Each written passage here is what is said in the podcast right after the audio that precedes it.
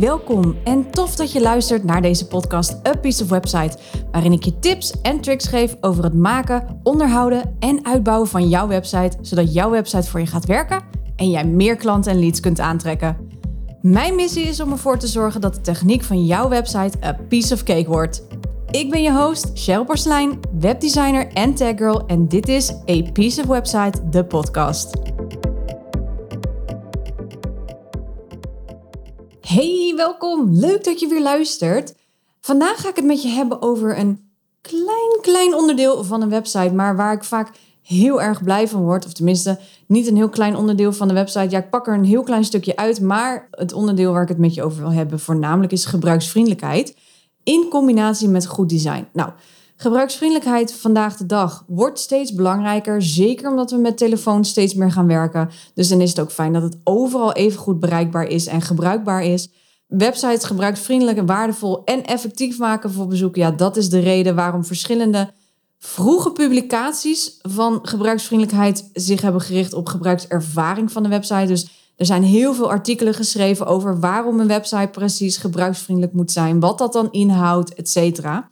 Want hoe gemakkelijker namelijk iets te gebruiken is, hoe fijner men het vindt om het te gebruiken en ook hoe sneller iemand iets vindt, wat natuurlijk heel erg in je voordeel kan werken. Maar het is wel aan jou om dat te doen op je website. Jij bent die gids. Jij moet de websitebezoeker gaan begeleiden. Dus jij bent de gids. Je websitebezoeker is de held in dit verhaal. En daarom pak ik vandaag een heel belangrijk onderdeel uit de website. Een heel klein onderdeel, maar die best wel wat impact kan hebben. Namelijk de call to action knop. Nou, de naam zegt het al. Vrij vertaald is dit de oproep tot actieknop. Nou ja, in het Nederlands vind ik het altijd een beetje gek klinken, maar ja, catch my drift. Het wel of niet juist gebruiken van deze knop kan dus echt wat verschil maken of iemand wel of niet klant gaat worden. Als je hem namelijk niet gebruikt, weet men ook niet wat de volgende stap is. En wat ze dus nu moeten doen. Het resultaat is dus, ja, ze verlaten de website. Als deze knop niet opvalt, zal men ook niet weten wat ze nu moeten doen. Resultaat, ze verlaten de website. Als deze te vaag taalgebruik heeft, zal men ook niet er snel op klikken, tenzij ze dat echt, echt willen. Resultaat: een groot deel van je websitebezoekers verlaat die website. Alright, you catch my drift. Maar hoe gebruik je dan wel zo'n knop? Laten we eerst eens kijken naar het design van zo'n knop. De belangrijkste regel is dat een actieknop moet opvallen. En dus een andere kleur moet hebben die afwijkt van de rest van jouw branding. Zodat die dus ook echt gaat opvallen. Vier kleuren zijn interessant voor een knop. Dat denk aan rood, oranje, blauw en groen. Dat zijn de meest geschikte kleuren voor een call to action knop. In ieder geval dus een andere kleur dan jij binnen je branding hebt. Maar misschien denk je, oh my god, maar rood, oranje, blauw, groen, dat is toch echt uber lelijk? Ja, maar de vraag daarbij is natuurlijk ook, je wilt dat mensen wel of niet op die knop gaan klikken, ja toch? Als jouw antwoord natuurlijk is ja, de, dan mag je hem echt wel lekker laten opvallen. En een andere reden hiervoor is dat je het gemakkelijker maakt voor mensen om ergens naartoe te gaan. Je maakt het dus gebruiksvriendelijker. En hoe meer hij opvalt, hoe sneller men doorheeft dat er op geklikt kan worden en hoe sneller dat ook vaak zal gebeuren. Nou, let op, ik eh, zet altijd een even kleine disclaimer erbij. Een knop alleen laten opvallen zonder dat er natuurlijk goede tekst op je pagina staat, heeft ook weinig nut het moet wel matchen met wat jij natuurlijk te zeggen hebt. En het moet ook wel matchen met het verhaal wat jij vertelt op dat moment. Dus als jij midden in een zin ineens een call to action knop gaat plaatsen, dan komt dat natuurlijk niet overeen met welke stap ze eigenlijk moeten nemen. Dus kijk daar ook goed naar. En het is natuurlijk ook zaak dat jij met je teksten goed gaat nadenken van wat wil ik dat ze weten? Wat is het resultaat? Welk probleem los ik op? Nou, noem het allemaal op. Een knop is namelijk iemand tot actie aanzetten. En dat doen ze dus alleen als ze ervan overtuigd zijn dat jij ze kunt helpen. Dus vandaar dat die knop ook moet matchen met jouw tekst. Maar goed, dat terzijde, deze knop is wel heel erg belangrijk, omdat je ze dus hiermee begeleidt naar de volgende stap. Nou, doe je dat dus niet, dan weet je dus nu wat er gebeurt. nou, daarnaast moet het ook heel duidelijk zijn dat die klikbaar is. Sommige mensen gebruiken tekstlinkjes en dat is eigenlijk gewoon een andere kleur tekst of een kleur woord waar een link achter zit. Deze vallen nagenoeg nooit op. Je maakt het een knop doordat je er echt een achtergrondkleur aan gaat geven. Dus wat je doet is je maakt een contrasterend geheel. Gebruik je een donkere achtergrond, dan gebruik je lichte tekst. Gebruik je een lichte achtergrond, gebruik je een donkere tekst, etc. En misschien denk je, waarom vertel je me niet? Het is toch logisch? En toch zie ik heel vaak nog op websites dat ze niet van de kans genoeg gebruik maken. Tekstlinks zijn namelijk geen kloppen. Deze gebruik je vaak in blogs om mensen door te verwijzen naar een eerdere blog of artikel die je hebt geschreven. Dus dat is meer een verwijzing van, hé, hey, ik heb hier ooit eens een keer een blog over geschreven. Of dat je het zoekwoord extra aantikt met een link, zodat ze dan weer naar een andere blog gaan. Maar een knop is echt een redelijk groot vlak. Daar ga ik straks over vertellen over forum en alles. Maar je ziet ze dus vooral bij invulformulieren. Zo'n knop bedoel ik.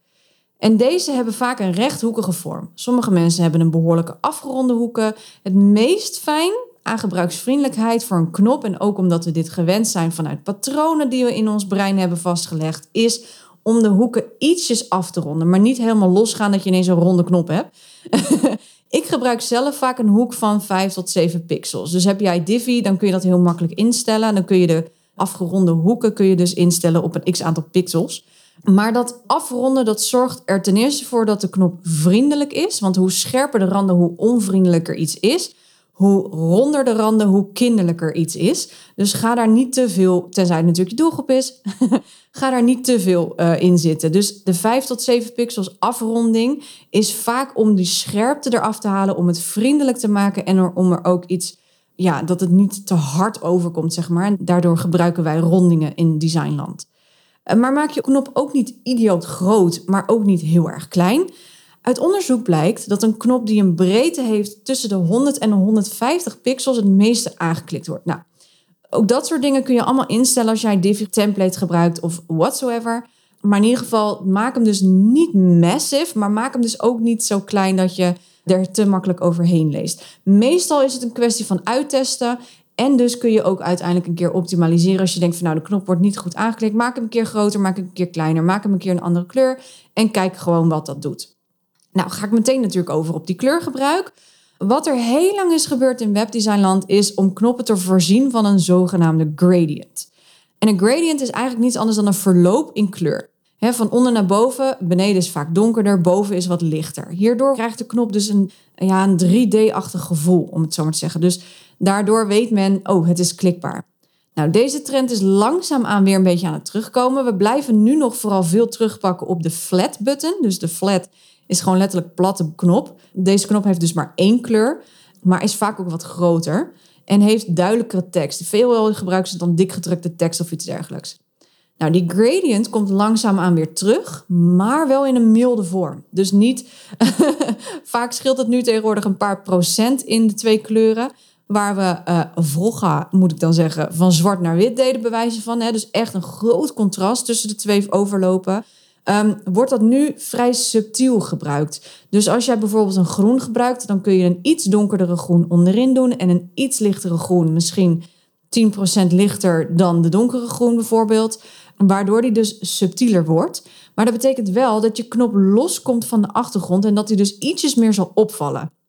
En dat maakt natuurlijk ook nog eens de knop gebruiksvriendelijk, want daar hebben we het natuurlijk vandaag over. 69% van de websitebezoekers blijkt uit onderzoek een voorkeur te hebben voor een knop met een klein kleurverloop. Dus het mag allemaal weer, alleen hou het subtiel. dus ga niet meer ineens van blauw naar paars of van zwart naar wit, maar hou het in een subtiele overgang. Nou, welke kleur moet je dan gebruiken? Nou, het onderzoek blijkt toch nog dat kleuren een heel groot invloed hebben of iemand wel of niet op de knop klikt. En misschien kennen we allemaal het stoplichteffect. Rood is stoppen, groen is go. Nou, een rode knop gebruik je eigenlijk bijna alleen in het geval van nood. Dus denk aan iets wegklikken. Rood is namelijk een negatieve actie. Tegenwoordig zien we het wel op websites, omdat dat vaak in de branding past. En tegenwoordig zijn we redelijk veel gewend op websites. Dus het is op zich niet zo'n heel groot probleem. Alleen als we het hebben over dat die moet opvallen tussen je branding uit en jouw branding heeft een rode kleur, dan zou ik er toch voor kiezen om een andere kleur te gebruiken. Groen is een positieve actie, hè, zoals we ook gewend zijn. We klikken heel graag op groen omdat we dat dus heel fijn vinden en dat we dat ook gewend zijn vanuit eerdere patronen die ons zijn aangeleerd. Maar ook dus blauw en oranje zijn goede kleuren voor een call to action knop. Oranje is een lekker opvallende kleur en we hebben daar niet zulke associaties mee als met rood. Oranje kun je prima dus gebruiken en eigenlijk wordt het oranje het nieuwe groen genoemd. Blauw kennen we namelijk nog uit de tijd dat de linkjes vroeger op de websites blauw waren. Tegenwoordig kunnen we onze links een eigen custom kleur geven. Vroeger was dat gewoon standaard. Als jij zwarte tekst had op een witte achtergrond, werden jouw linkjes automatisch blauw gekleurd. Met CSS en code kon je dat wel aanpassen. Maar we waren dat zo gewend dat we weten van oké, als iets blauw is aangearceerd, dan is dat vaak klikbaar. Dus dat zit in ons systeem nog. Maar toch blijkt dus uit onderzoek dat oranje wel de populairste kleur is in Nederland. En misschien ligt het dan aan ons Nederlanders. Maar deze knop wordt namelijk met 31% als populairste kleur voor een knop beschouwd. Dus dat is best wel een grote groep die dus een voorkeur heeft voor oranje. Nou, naast natuurlijk je kleur en je vorm en de grootte is de tekst erop ook heel belangrijk. Nou, we hebben twee vormen van tekst. We hebben passief en we hebben assertief, of eigenlijk actief moet ik zeggen. Passieve knoppen hebben vaak zinnen als lees meer, meer informatie of neem contact met mij op. Deze soorten teksten vind je vaak op knoppen bij blogs of uh, bij contactformulieren of in ieder geval waar je niet per se iemand uh, heel erg wil aandringen op een actie. Dus dit zijn dus ook knoppen waar niet direct om een actie gevraagd wordt, tenzij iemand dat ook echt wil. Dus dat zorgt ervoor dat als je deze passieve teksten gebruikt, dat mensen zelf bepalen: ik wil wel of niet meer van deze blog lezen, of ik wil wel of niet contact opnemen met deze persoon. Dus dan blijft het heel erg in het midden. Dat doe je dus ook alleen bij blogs. Als mensen meer van de blog willen lezen, kunnen ze daarvoor kiezen. Als jouw introductie natuurlijk voor je blog rete sterk is, zullen mensen daar vanzelf op klikken. Maar het heeft wel effect op of iemand wel of niet erop klikt, omdat het ze niet per se gevraagd wordt. Assertieve teksten, of ook wel actieve teksten, zijn registreer nu, meld je nu aan, koop nu, download nu, plan nu een gratis afspraak in. Dus merk je het verschil met meer informatie, lees meer. Je zet iemand dus letterlijk aan tot actie. Wanneer iemand namelijk jouw salespage heeft gelezen, en jij hebt natuurlijk vet je best gedaan om je aanbod te kunnen doen en om te vertellen wat jij allemaal in huis hebt en hoe jij iemands leven kunt beter maken. Dan wil je ook natuurlijk dat ze actie ondernemen op dat aanbod. Dus door een assertiever of actievere taal te gebruiken, weet men precies wat er wordt verwacht en wat er dus gaat gebeuren als ze op deze knop gaan klikken. Nou, en daarvoor hoeven mensen ook niet te lang na te denken of bang te zijn voor het onverwachte. Nou, je verlaagt daarmee dus een hele grote drempel vaak. En dat verhoogt dus ook weer de gebruiksvriendelijkheid. Dus ik zeg win-win. Alright, dus even resume. Want wie had ooit gedacht dat je een hele podcast van dik een kwartier lang zou beluisteren over een knop? dus uh, nou ja, dat zegt ook wel iets.